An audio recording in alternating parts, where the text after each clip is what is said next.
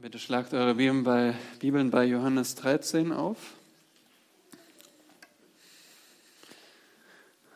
Es ist mein Vorrecht, dass ich heute mit euch diesen Text betrachten darf. Es fühlt sich an wie eine Fortsetzung oder eine Vertiefung oder eine Ergänzung zu der Predigt am letzten Sonntag aus Markus 9 durch Dieter. Und als ich diese Predigt hörte, dachte ich, Mensch, das ist genau das, was wir auch hier in Johannes 13 sehen, was uns also eingeprägt werden wird. Wie komme ich zu diesem Text? Nun, in meiner Ausbildung beim Seminary musste man aus jedem, ja, jeder Literaturart in der Bibel mindestens eine Predigt halten und für den Text aus den Evangelien hatte ich diesen Text gewählt und so bin ich froh, dass wir ähm, diesen Text uns ansehen dürfen. Zuvor möchte ich noch den Herrn um seine Hilfe bitten. Vater im Himmel, ich danke dir, mein Vater, dass wir uns hier als deine Kinder versammeln. Danke, Vater, dass du auf dem Thron sitzt, dass du deinen Sohn wieder in die Herrlichkeit aufgenommen hast, nach seinem einmaligen Opfer, auf das wir zurückschauen, das wir geben, gepriesen haben. Vater, du bist immer derselbe und du nährst uns heute durch dein Wort. Und unsere Nahrung besteht in deinem Sohn. So bitte gib uns Augen, deinen Sohn verherrlicht zu sehen, da wo wir natürlicherweise blind sind, wo wir nichts als Versagen sehen oder gleichgültig blicken, weil wir nichts Besonderes sehen, wo wir möglicherweise abgestoßen sind. Vater, öffne uns die Augen. Es ist übernatürlich, was wir brauchen. Dein Werk, dass du uns sehen lässt, wer dein Sohn ist. Dass du heute rettest, wer keinen Teil an deinem Sohn hat. Dass du uns erbaust, wo wir entmutigt sind, dass du uns korrigierst, wo wir der Lüge Satans anhängen. Und bitte tu du dieses Werk, was kein Mensch tun kann. Bitte rede durch dein Wort. In Jesu Namen. Amen. Stell dir vor, du stirbst morgen. Was würdest du heute tun?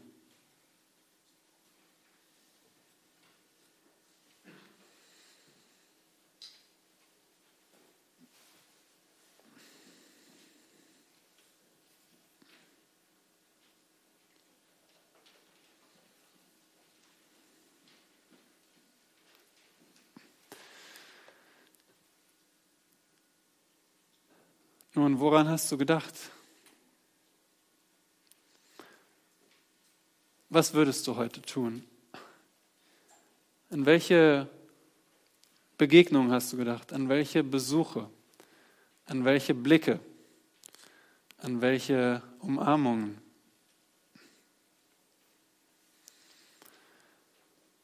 An welche Klänge hast du gedacht? An welche Mahlzeit?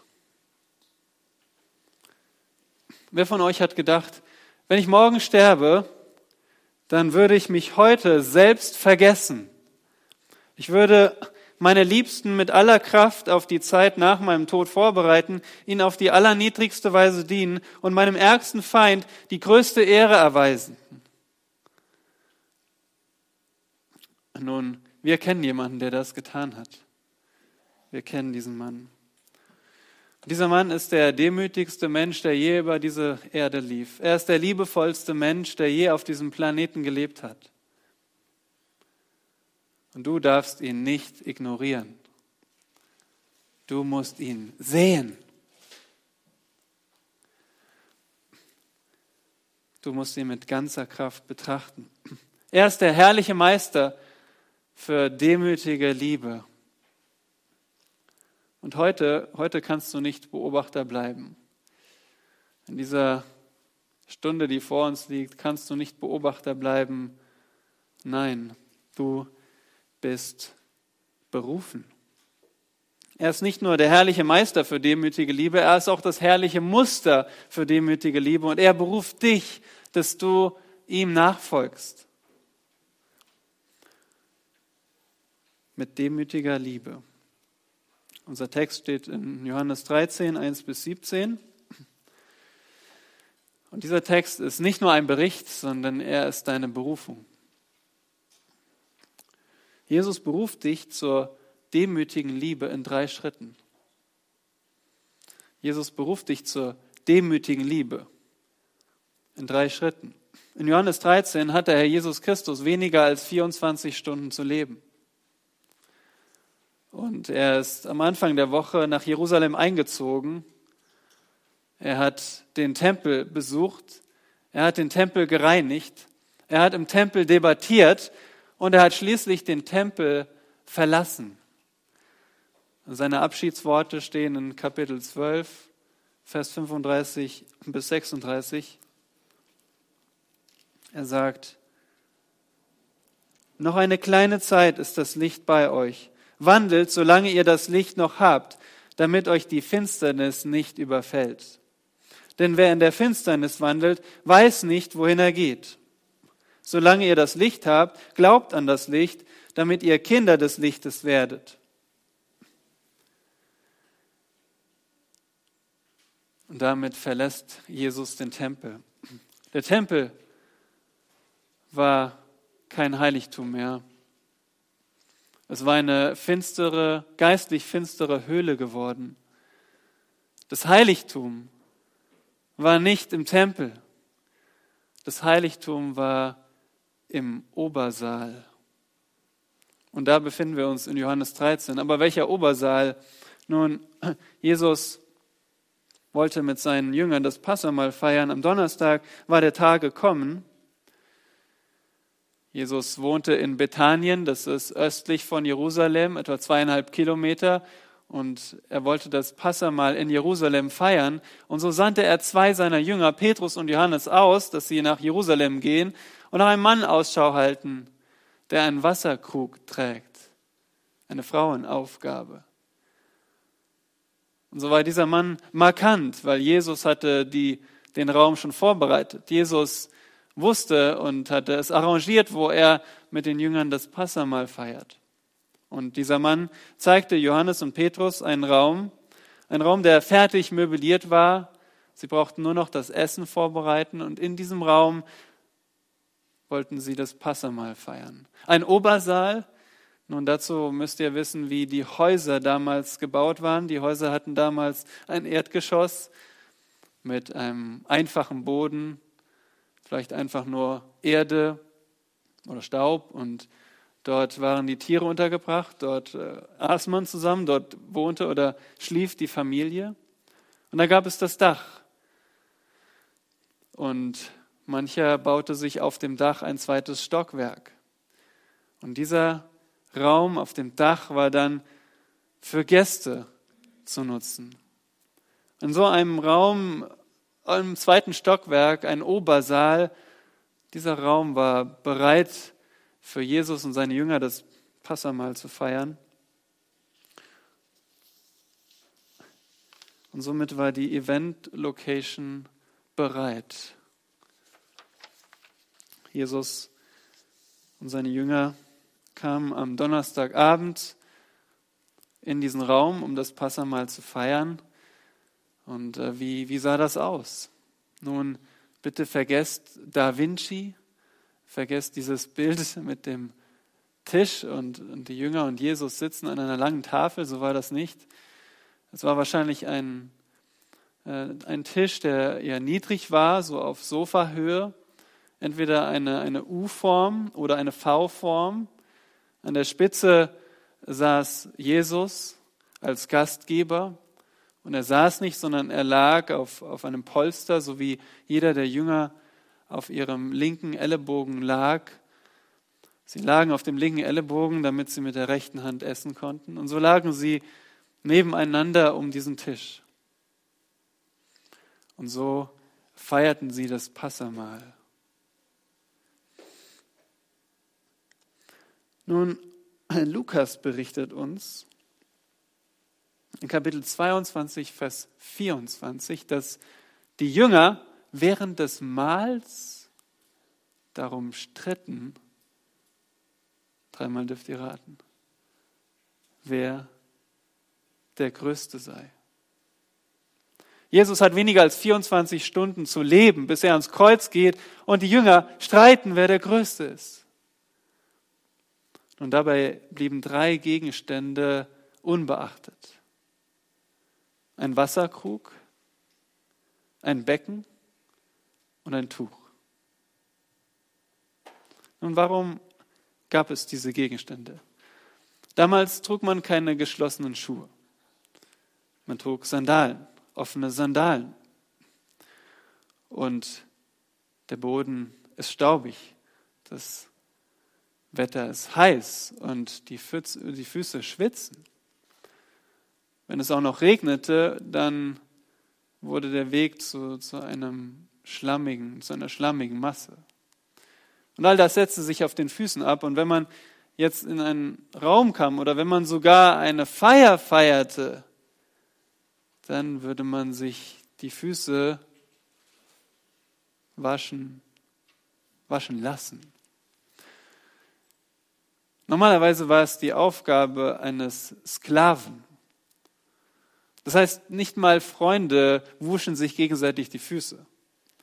Es war die Aufgabe eines Niedriggestellten, die Aufgabe eines Sklaven. Und nun müsst ihr euch vorstellen, wie die Jünger dort um den Tisch liegen. Und wer würde sich wohlfühlen, ein, ein, ein, ein Mahl zu essen mit schmutzigen Füßen? Wer würde sich überhaupt erst mit diesen Füßen auf das Polster legen? Nun, wir kennen Männer, die das machten, Jesus und die Jünger.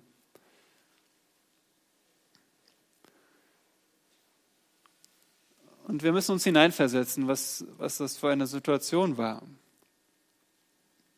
Was haben sie gedacht? Und ich denke, keiner von ihnen hatte ein Problem, aufzustehen und dem Herrn Jesus die Füße zu waschen, ihr Meister. Sie wussten, er ist der Sohn Gottes, er ist, er ist der Herr. Aber wenn man einmal aufsteht, dann muss man die ganze Runde machen. Du kannst nicht nur Jesus die Füße waschen. Du musst die ganze Runde machen. Du musst allen die Füße waschen. Nun, wenn ich anfange, dann muss ich allen die Füße waschen. Dann, nein, das geht nicht. Wir sind doch in einem Kampf um die obersten Plätze. Ich kann doch jetzt nicht einfach aufstehen und meinen Konkurrenten die Füße waschen. Und so hoffte jeder, dass der andere aufsteht. Wann steht endlich jemand auf? Und das ist die Situation. Lesen wir Johannes 13, Verse 1 bis 17. Vor dem Passafest aber, da Jesus wusste, dass seine Stunde gekommen war, aus dieser Welt zum Vater zu gehen, wie er die Seinen geliebt hatte, die in der Welt waren, so liebte er sie bis ans Ende. Und während des Mahls, als schon der Teufel dem Judas, Simons Sohn, dem Iskariot, ins Herz gegeben hatte, ihn zu verraten, da Jesus wusste, dass ihm der Vater alles in die Hände gegeben hatte und dass er von Gott ausgegangen war und zu Gott hinging, stand er vom Mahl auf, legte sein Obergewand ab, nahm einen Schurz und umgürtete sich. Darauf goss er das Wasser in das Becken und fing an, den Jüngern die Füße zu waschen und sie mit dem Schurz zu trocknen, mit dem er umgürtet war. Da kommt er zu Simon Petrus und dieser spricht zu ihm, Herr, du wäschst mir die Füße? Jesus antwortete und sprach zu ihm, was ich tue, verstehst du jetzt nicht. Du wirst es aber danach erkennen. Petrus spricht zu ihm, auf keinen Fall sollst du mir die Füße waschen. Jesus antwortete ihm, wenn ich dich nicht wasche, so hast du keine Gemeinschaft mit mir. Simon Petrus spricht zu ihm, Herr, nicht nur meine Füße, sondern auch die Hände und das Haupt. Jesus spricht zu ihm, Wer gebadet ist, hat es nicht nötig, gewaschen zu werden, ausgenommen die Füße, sondern er ist ganz rein. Und ihr seid rein, aber nicht alle. Denn er kannte seinen Verräter. Darum sagte er, ihr seid nicht alle rein. Nachdem er nun ihre Füße gewaschen und sein Obergewand angezogen hatte, setzte er sich wieder zu Tisch und sprach zu ihnen, Versteht ihr, was ich euch getan habe? Ihr nennt mich Meister und Herr und sagt es mit Recht, denn ich bin es auch. Wenn nun ich, der Herr und Meister, euch die Füße gewaschen habe, so sollt auch ihr einander die Füße waschen. Denn ein Vorbild habe ich euch gegeben, damit auch ihr so handelt, wie ich an euch gehandelt habe. Wahrlich, wahrlich, ich sage euch, der Knecht ist nicht größer als sein Herr, noch der Gesandte größer als der ihn gesandt hat. Wenn ihr dies wisst, glückselig seid ihr, wenn ihr es tut.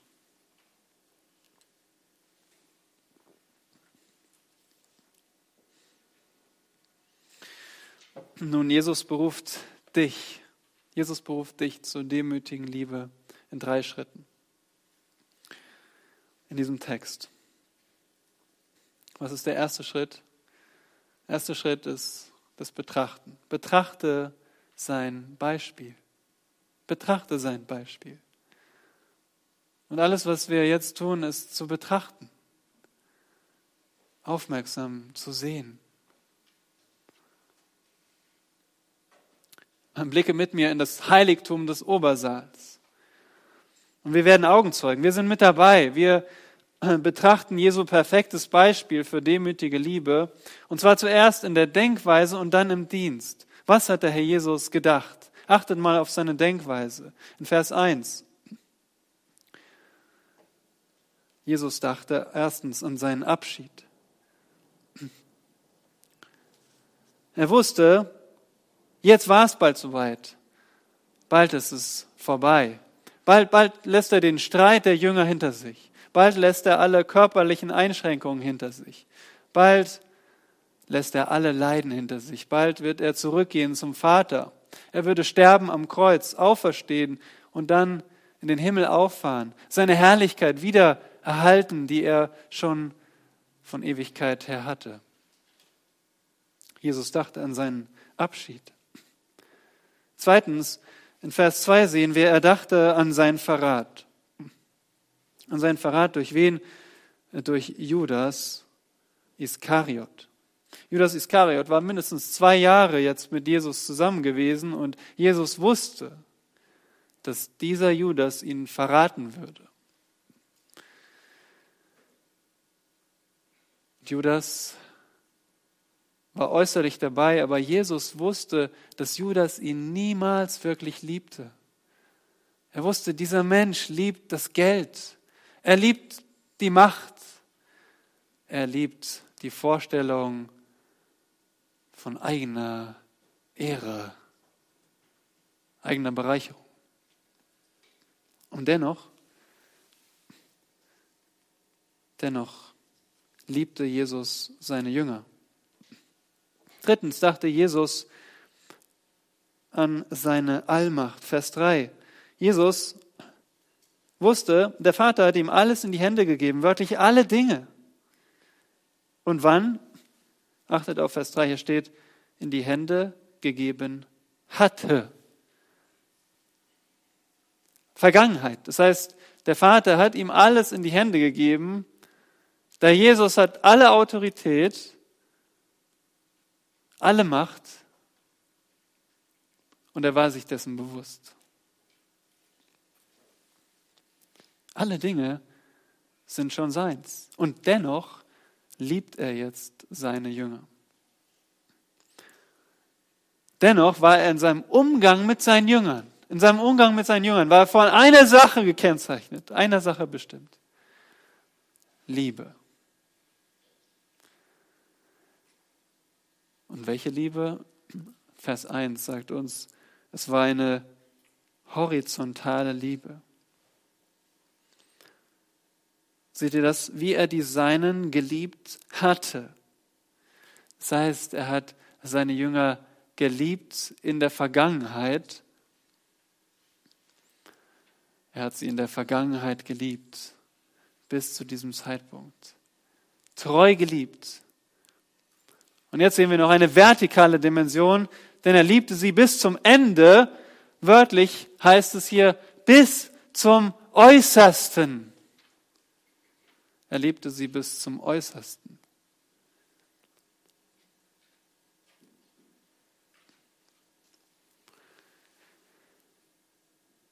Das ist Jesu Denkweise. Was ist sein Dienst? Der kommt hier in Vers 4. Und in Vers 4 gebraucht Johannes eine andere Zeitform.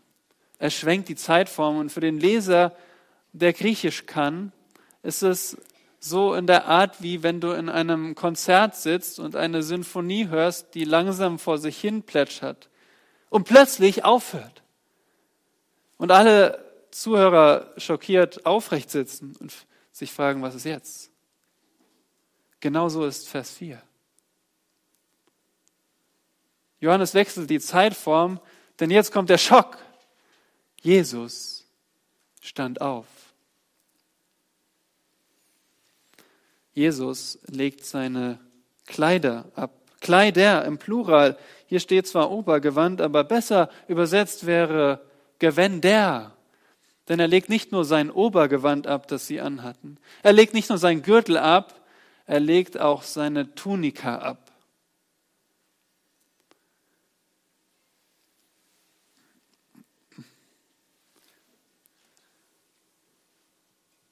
Und dann hat er nur noch seinen leinenen Lendenschurz an. Er geht und holt sich, er nahm einen Schurz, heißt es hier in der Schlachter 2000. Er nahm wörtlich ein Leinentuch, also ein Handtuch, ein etwa sieben Meter langes Handtuch, das er sich umwickelte, um dann ein Tuch für das Trocknen bereit zu haben.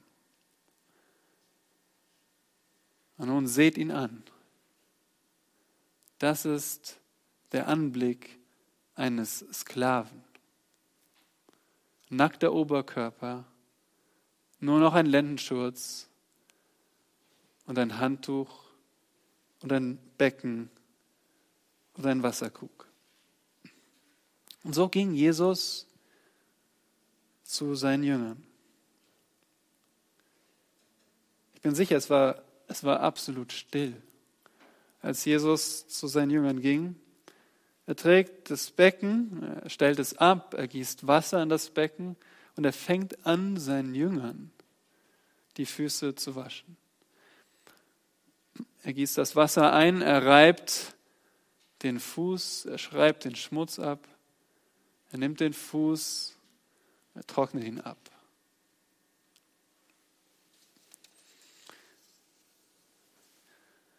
Die Jünger müssen schockiert gewesen sein, völlig perplex, verwirrt. Aber warum macht der Herr Jesus das? Einfach weil es jemand tun musste?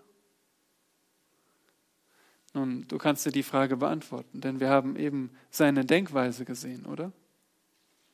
Wir wissen, der Herr Jesus tat das einzig und allein, aus äußerster Liebe zu seinen Jüngern.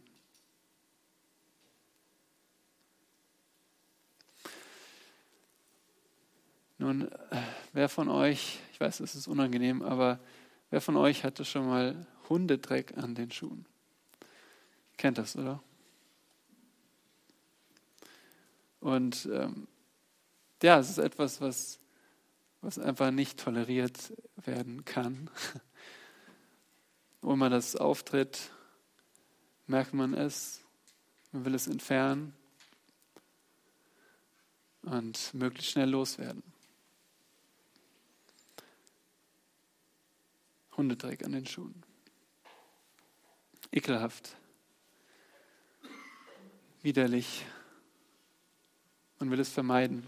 Aber stell dir vor, der Herr Jesus wäre hier und du hättest Hundedreck an den Schuhen.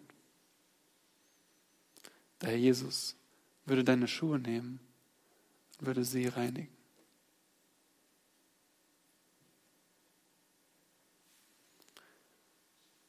Er, der Sohn Gottes, würde das für dich tun. Nun betrachte sein Beispiel, denn Jesus beruft dich zur demütigen Liebe in drei Schritten. Was ist der zweite Schritt? Der zweite Schritt ist, verstehe sein Vorbild. Verstehe sein Vorbild. Nach dem Betrachten kommt das Verstehen. Betrachten ist nicht genug. Wir müssen jetzt verstehen, was ist da passiert. Was geht da vor sich? Die Fußwaschung ist mehr als nur ein Beitrag für einen gemütlichen Abend. Der Herr Jesus hat nicht nur einfach dafür gesorgt, dass endlich diese unangenehme Situation vorbei ist. Der Jesus hat es ganz bewusst getan. Aber warum? Nun, die Fußwaschung ist ein Symbol für eine gewaltige geistliche Realität. Verstehst du, was Jesus hier ausdrückt? Und Petrus verstand es nicht. In Vers 6 geht es weiter und dort kommt Jesus jetzt zu dem Platz von Petrus. Und er stellt die Schüssel ab und er will Petrus die Füße waschen. Und plötzlich wird das Schweigen gebrochen. Petrus sagt, Herr, du wäschst mir die Füße? Wörtlich sagt er, Herr, du hast tatsächlich vor, mir die Füße zu waschen? Du, der Herr, der Meister, der König? Nun, Jesus antwortet ihm, Ihr seht es in Vers 7 und er sagt, was ich tue, verstehst du jetzt nicht. Du wirst es aber erkennen. Petrus, du hast jetzt kein Konzept, du kannst es nicht verstehen. Du musst warten bis zu meinem Tod, meiner Auferstehung, meiner Himmelfahrt, bis nach Pfingsten. Und dann wirst du erst verstehen, was, was ich hier tue. Und damit gibt sich Petrus nicht zufrieden. Er wird jetzt noch härter. In Vers 8 sagt er, auf keinen Fall. Er benutzt die größtmögliche Ablehnung. Er sagt wörtlich, in Ewigkeit, niemals, nie, Herr, wäschst du mir die Füße. Warum? Petrus möchte diese, er will, er will diese Demütigung seines Herrn nicht hinnehmen. Er will nicht hinnehmen, dass sein Herr und König und Meister sich vor ihm demütigt. Und jetzt, jetzt kommt die Antwort, die Petrus radikal ändert. Gleich wird er, wird er sagen, nicht nur die Füße, sondern auch meine Hände, mein, mein Kopf. Wie kann es sein, dass jemand so radikal seine Denkweise ändert? Nun achtet auf Vers 8. Auf diesen, diese Antwort in wenigen Worten, die alles verändert für Petrus. Seid ihr bereit? Jesus sagt, wenn ich dich nicht wasche, so hast du keine Gemeinschaft mit mir. Wörtlich sagt er, dann hast du keinen Teil mit mir. Du hast keinen Anteil an mir. Und das sticht Petrus ins Herz. Keine Gemeinschaft mit Jesus? Nein, auf, auf keinen Fall. Ich will, ich will die Gemeinschaft mit Jesus haben. Also sagt er dann nicht nur die Füße, sondern wasche mir auch die Hände und den Kopf, weil das die Stellen waren, die jetzt nicht bedeckt sind. Genauso wie bei mir jetzt meine Hände und mein, mein Kopf nicht von Kleidung bedeckt ist. Wasche mich. Nun, Jesus spricht, Vers 10, Nein, wer gebadet ist, hat es nicht nötig, gewaschen zu werden. Ausgenommen die Füße. Jesus verteidigt sein Vorgehen, dass er nur die Füße wäscht. Und wir fragen uns, worum geht es hier eigentlich? Geht es ihm um Hygiene? Nun, heutzutage geht alles um Hygiene, oder? Aber ging es auch da im Obersaal um Hygiene? Nun, ihr könnt es euch selbst beantworten, wenn ihr Vers 11 anschaut. Dort sagt er, er kannte seinen Verräter. Darum sagte er, ihr seid nicht alle rein.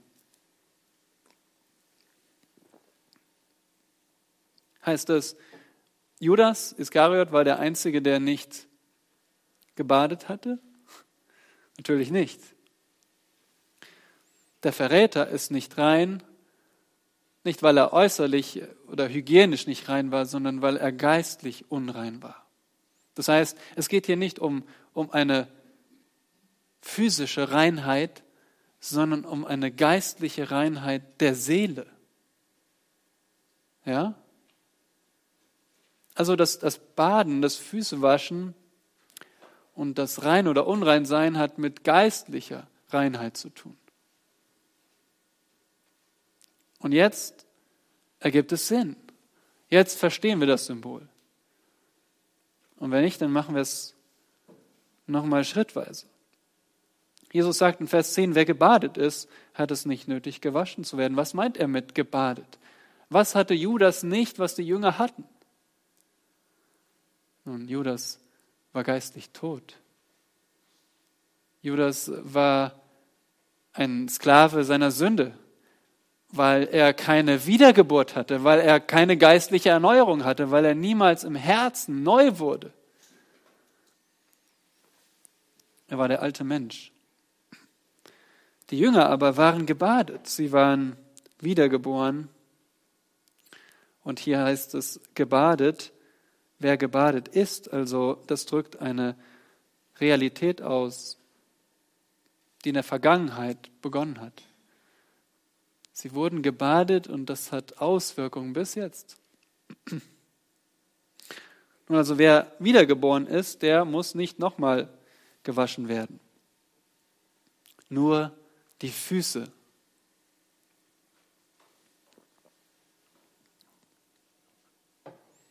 Und was bedeutet das?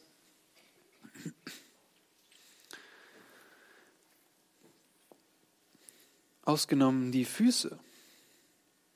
Also wer gebadet ist und von neuem geboren ist,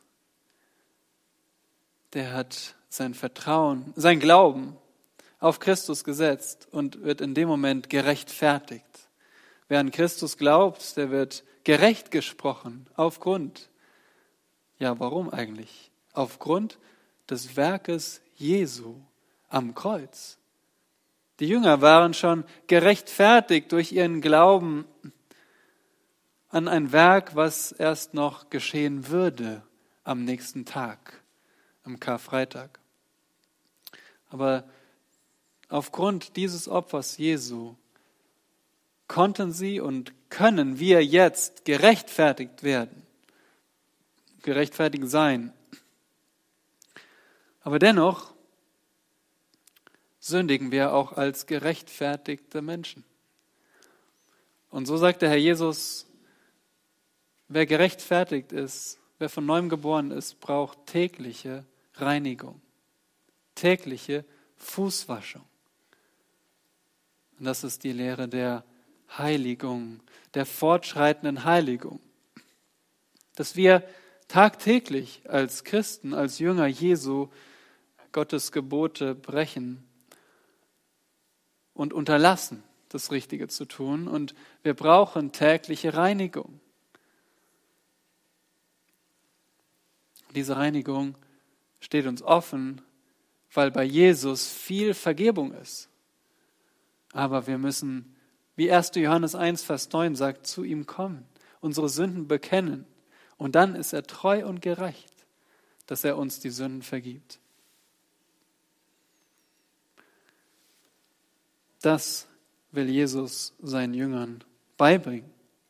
Darum soll auch ein Petrus, wie auch die anderen Jünger, ihre Füße gewaschen bekommen.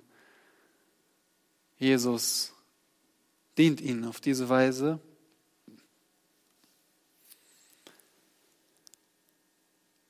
Aber es, diese Fußwaschung ist nur eine Station auf seiner totalen, auf seinem Weg hin zur totalen Erniedrigung. Das heißt, der Jesus hatte vor, ans Kreuz zu gehen. Das war seine totale Erniedrigung. Und die Fußwaschung war eine Station dahin, aber sie war ein Symbol dafür, dass der Herr bereit war, sich zu demütigen auf die niedrigste Art und Weise für seine Jünger.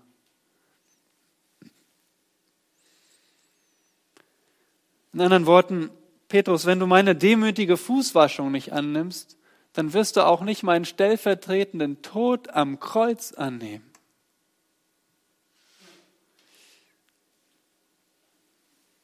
Denn dieser Tod am Kreuz war noch viel demütigender als die Fußwaschung. Und was, was ist die große Frage an dich? Die große Frage an dich ist, hast du, hast du einen Teil an Jesus?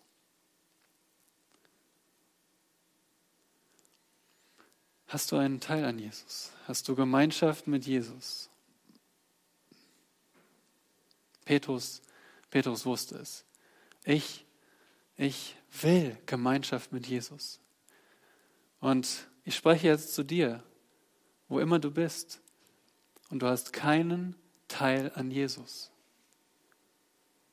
Du hast keine Gemeinschaft mit Jesus.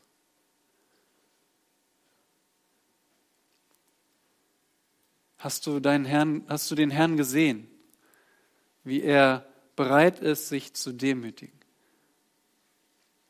Bereit ist für seine Jünger, die glauben, wie auch für Judas, der ungläubig ist. Siehst du seine Herrlichkeit? Der Sohn Gottes, der kommt, um Sünder zu retten und das ihn alles kostet. Was mussten die Jünger tun, um den Dienst zu empfangen. Was mussten sie tun? Sie mussten nur Jesus ihre Füße hinstrecken. Jesus machte alles für den, der Gemeinschaft mit ihm haben wollte. Warum würdest du keine Gemeinschaft mit Jesus haben wollen? Er ist dein Schöpfer. Er ist dein Herr, ein guter Herr, der gekommen ist, um dir den Himmel zu erkaufen. Er hat mit seinem Blut die Tür aufgemacht, damit du Gemeinschaft mit ihm haben kannst in Ewigkeit. Aber was du tun musst, du darfst ihn nicht ablehnen.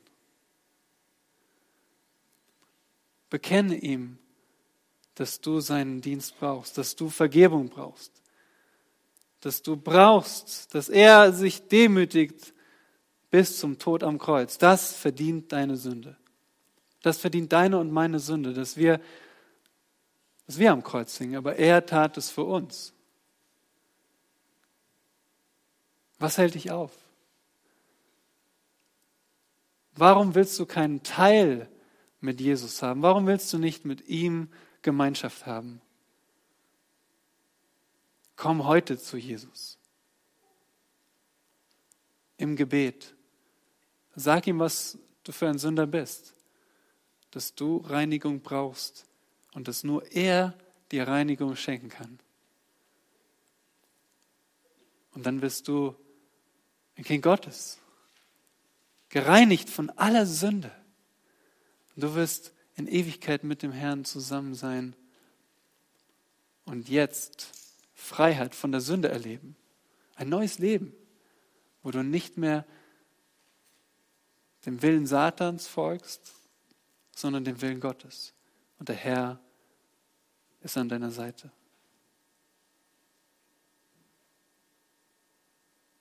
So demütige dich vor dem Herrn, der sich vor dir gedemütigt hat. Was bedeutet es für uns, die wir den Herrn kennen? Wir, wir staunen, oder? Wir staunen und freuen uns. Der Herr hat sich hingegeben für uns. Und deswegen dürfen wir nicht vergessen, dass wir tägliche Reinigung brauchen. Nimm die tägliche Reinigung in Anspruch. Nimm sie in Anspruch und geh zu dem Herrn, bitte ihn um Reinigung. Jesus beruft dich zur demütigen Liebe in drei Schritten. Was ist der dritte Schritt zur demütigen Liebe? Imitiere sein Ideal. Imitiere sein Ideal. Und ihr merkt schon, dass das alles dasselbe. Er ist das Beispiel, er ist das Vorbild, er ist das Ideal. Aber wir bleiben nicht nur dabei stehen zu betrachten und zu verstehen, nein, wir sind jetzt gefordert, in diesem Schritt selbst ihm nachzufolgen. Wir haben Jesu demütige Liebe gesehen. Wir haben verstanden, warum er es tat. Er macht es als ein, ein Symbol dafür, dass wir Reinigung von unseren Sünden brauchen. Und wenn wir ungläubig sind, nicht wiedergeboren sind, dann brauchen wir ein Bad der Wiedergeburt was nur Gott geben kann. Und wenn wir wiedergeboren sind, dann brauchen wir die tägliche Reinigung, dass wir zu dem Herrn gehen und ihm bekennen, welche Sünde wir getan haben, sodass er uns tagtäglich reinigt und unsere Beziehung zu dem Herrn wiederhergestellt ist. In einer väterlichen Art und Weise vergibt er seinen Kindern, der Vater im Himmel. Aber jetzt sind wir bereit, unsere Verantwortung zu lernen. In Vers 12 sehen wir, Jesus, nachdem er nun ihre Füße gewaschen hat und sein Obergewand angezogen hatte, setzte er sich wieder zu Tisch. Nun, ihr wisst jetzt, dass er seine Tunika anzog, sein Gürtel, sein Obergewand und dann, dass er sich an den Tisch legte auf sein Polster legte und wieder in der Position war zu lehren. Und jetzt lehrt er seine Jünger und er lehrt auch uns, wenn wir, wenn du und ich Jünger sind.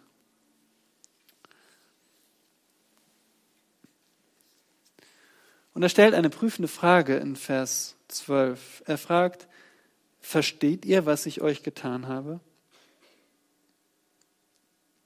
Also in anderen Worten, erkennt ihr und lebt ihr das, was ich jetzt hier demonstriert habe? Erkennst du das und lebst du das?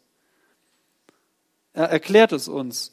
Ihr nennt mich Meister und Herr und sagt es mit Recht, denn ich bin es auch. Also die Jünger und auch wir, wir nennen ihn wie? Du bist der Herr. Das bedeutet, du bist Gott. Ein Titel für, für den Herrn, für Gott. Du bist unser Lehrer, unser Meister. Wenn nun ich als der Herr, als der Meister, als der Lehrer euch die Füße gewaschen habe, so sollt ihr auch einander die Füße waschen. Und sollt es leider zu, zu gelinde ausgedrückt, zu schwach ausgedrückt, wörtlich heißt es hier, so seid ihr fortlaufend schuldig, einander die Füße zu waschen. Wir sind verpflichtet, wir sind schuldig, einander die Füße zu waschen. Und wir fragen uns, äh, was bedeutet das jetzt? Sollen wir einander jetzt die Schuhe ausziehen und die Füße waschen?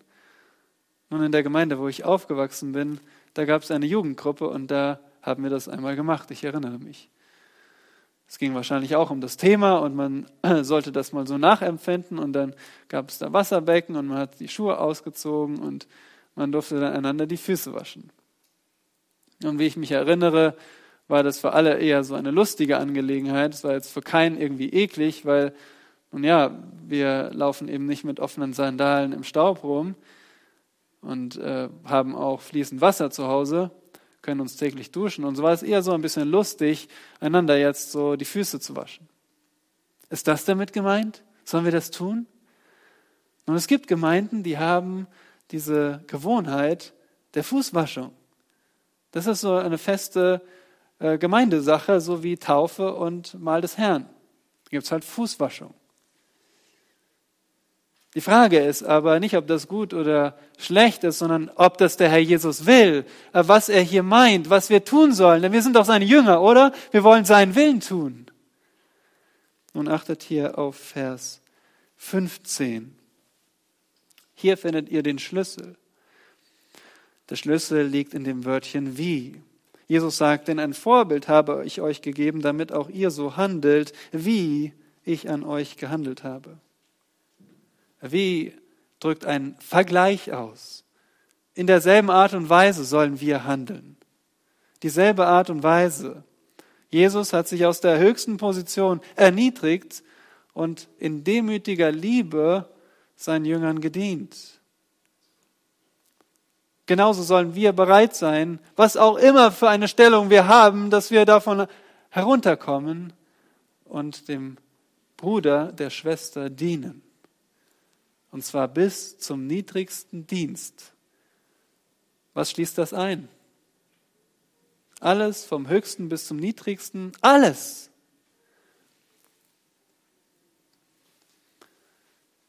Der Jesus gab uns hier ein Handlungsmuster,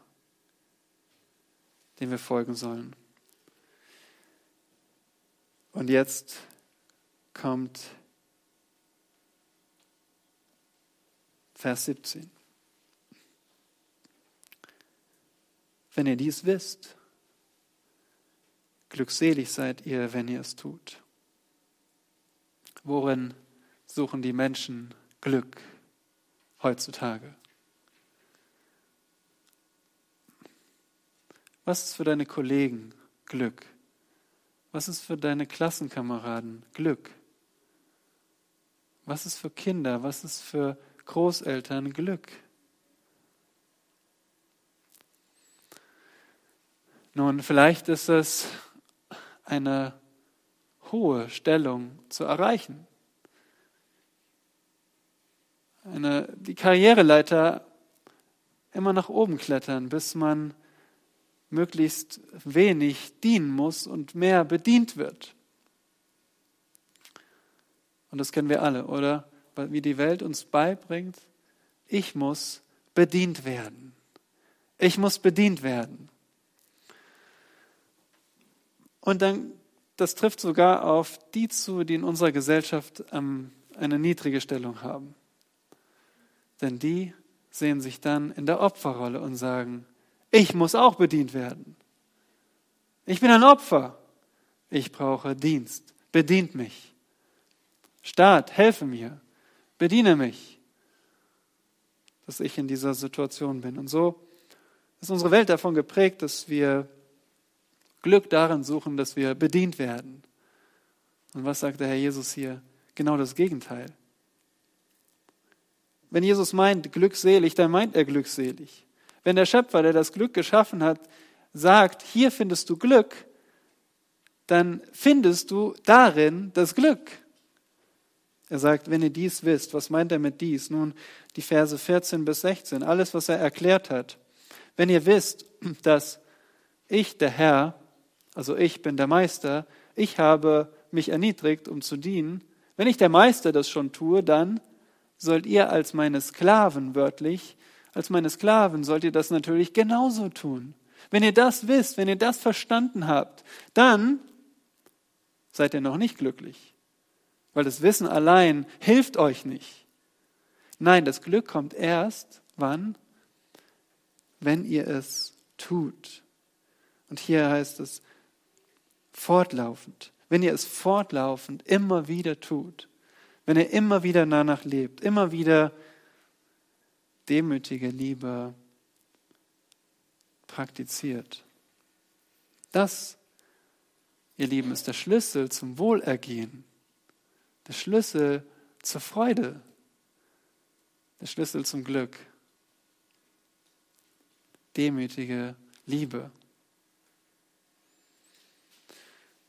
Es passt so sehr zu dem, was wir letzte Woche gehört haben. Die da zum Beispiel gesagt, Zitat, Jesus lehrt, was wahre Demut ist. Und dabei belässt er es nicht bei einigen Worten, sondern setzt sein eigenes Leben zum Vorbild. Dieter hat gesagt, theoretische Demut gibt es nicht. Sie zeigt sich an deinen Handlungen. Es ist nicht genau das, was wir hier sehen, der Herr hat nicht nur von Demut gesprochen, er hat sie bewiesen. Der Herr hat nicht nur gesagt, ihr sollt demütig sein, sondern er sagt, ihr seid nur glückselig, wenn ihr danach handelt. Robert Chapman lebte im 19. Jahrhundert. Er diente 70 Jahre in einer kleinen Gemeinde, in einer kleinen englischen Stadt namens Barnstable. Er schrieb kein Buch und er erreichte auch keine Berühmtheit. Als er anfing zu predigen, sagte man ihm, er würde nie ein guter Prediger werden. Sehr ermutigend. Er lebte gerne in einem armen Teil der Stadt und fühlte sich zu den Armen hingezogen. Es gibt auch eine Biografie über ihn, die ich empfehle. Und da kann man sehen, gibt es auch ein paar Bilder von seinem einfachen Haus, wo er sehr schlichte Möbel hatte, aber es war immer sehr sauber und er hatte immer eine offene Tür für Gäste. Er hatte immer wieder Gäste bei sich und hatte so eine bestimmte Angewohnheit. Er bestand darauf, dass er allen Gästen die Schuhe putzte. Da wird zitiert, dass er gesagt hat, früher war es üblich, den Heiligen die Füße zu waschen. Ich tue das, was am nächsten liegt und putze ihre Schuhe. Und warum tat er das? Ein weiteres Zitat. Mein Geschäft ist es zu lieben und nicht danach zu suchen, geliebt zu werden. Mein Geschäft ist es zu lieben und nicht danach zu suchen, geliebt zu werden. Und das ist die Liebe, zu der Jesus uns beruft. Wir haben die demütige Liebe unseres Herrn gesehen und wir können ihn jetzt nicht mehr ignorieren. Das ist vorbei. Du, du kannst nicht sagen, du weißt nicht darum. Du hast den Herrn Jesus gesehen, wie er als Sklave seinen Jüngern diente. Und wir haben auch verstanden, dass Jesus uns ein Vorbild gibt. Dass Jesus uns ein Vorbild gab, dass wir verpflichtet sind, wenn wir uns seine Jünger nennen, dass wir ihm nachfolgen. Und wir sind berufen, Jesu Liebe nachzuahmen, hier in dieser Gemeinde. Diese Art von Liebe, es gibt nur diese Art, denn das ist wahre Liebe. Diese Liebe sollen wir umsetzen, wenn wir, wenn wir uns hier versammeln wenn wir einander anrufen in der Woche oder wenn wir uns besuchen in der Woche, wenn wir als Wachstumsgruppe zusammenkommen. Wenn du eine Nachricht schreibst an deinen Bruder oder an deine Schwester, dann, dann sollst du Jesu Vorbild nachfolgen. Wenn wir in Modulen lernen, ist diese Liebe unser Vorbild. Wenn wir einander aushelfen, bei was immer getan werden muss, dann sind wir verpflichtet, so zu lieben. Wenn wir füreinander beten, sollen wir auf diese Weise lieben. Wisst ihr, Liebe ist gleichgültig. Liebe ist gleichgültig gegenüber dem Gewinn der eigenen Erfüllung und der eigenen Befriedigung. Echte Liebe ist gleichgültig gegenüber dem eigenen Gewinn, der eigenen Befriedigung und der eigenen Erfüllung. Echte Liebe will sich einfach für die Schwester und für den Bruder aufopfern, egal was es kostet. Und du fragst dich jetzt vielleicht, ich frage mich genauso, wie geht das? Die Antwort ist, das ist das Geheimnis der Wiedergeburt.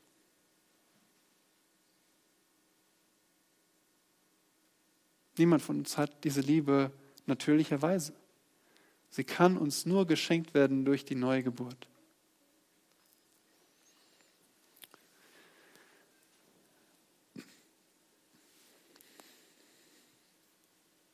Ich möchte mit diesem Satz schließen der nicht von mir stammt. Wie können wir auf diese Weise lieben? Jemand hat es so ausgedrückt. Weil Christus mich maximal bis zum Maximum geliebt hat, deswegen bin ich frei. jetzt meinen Bruder und meine Schwester zu lieben. Amen.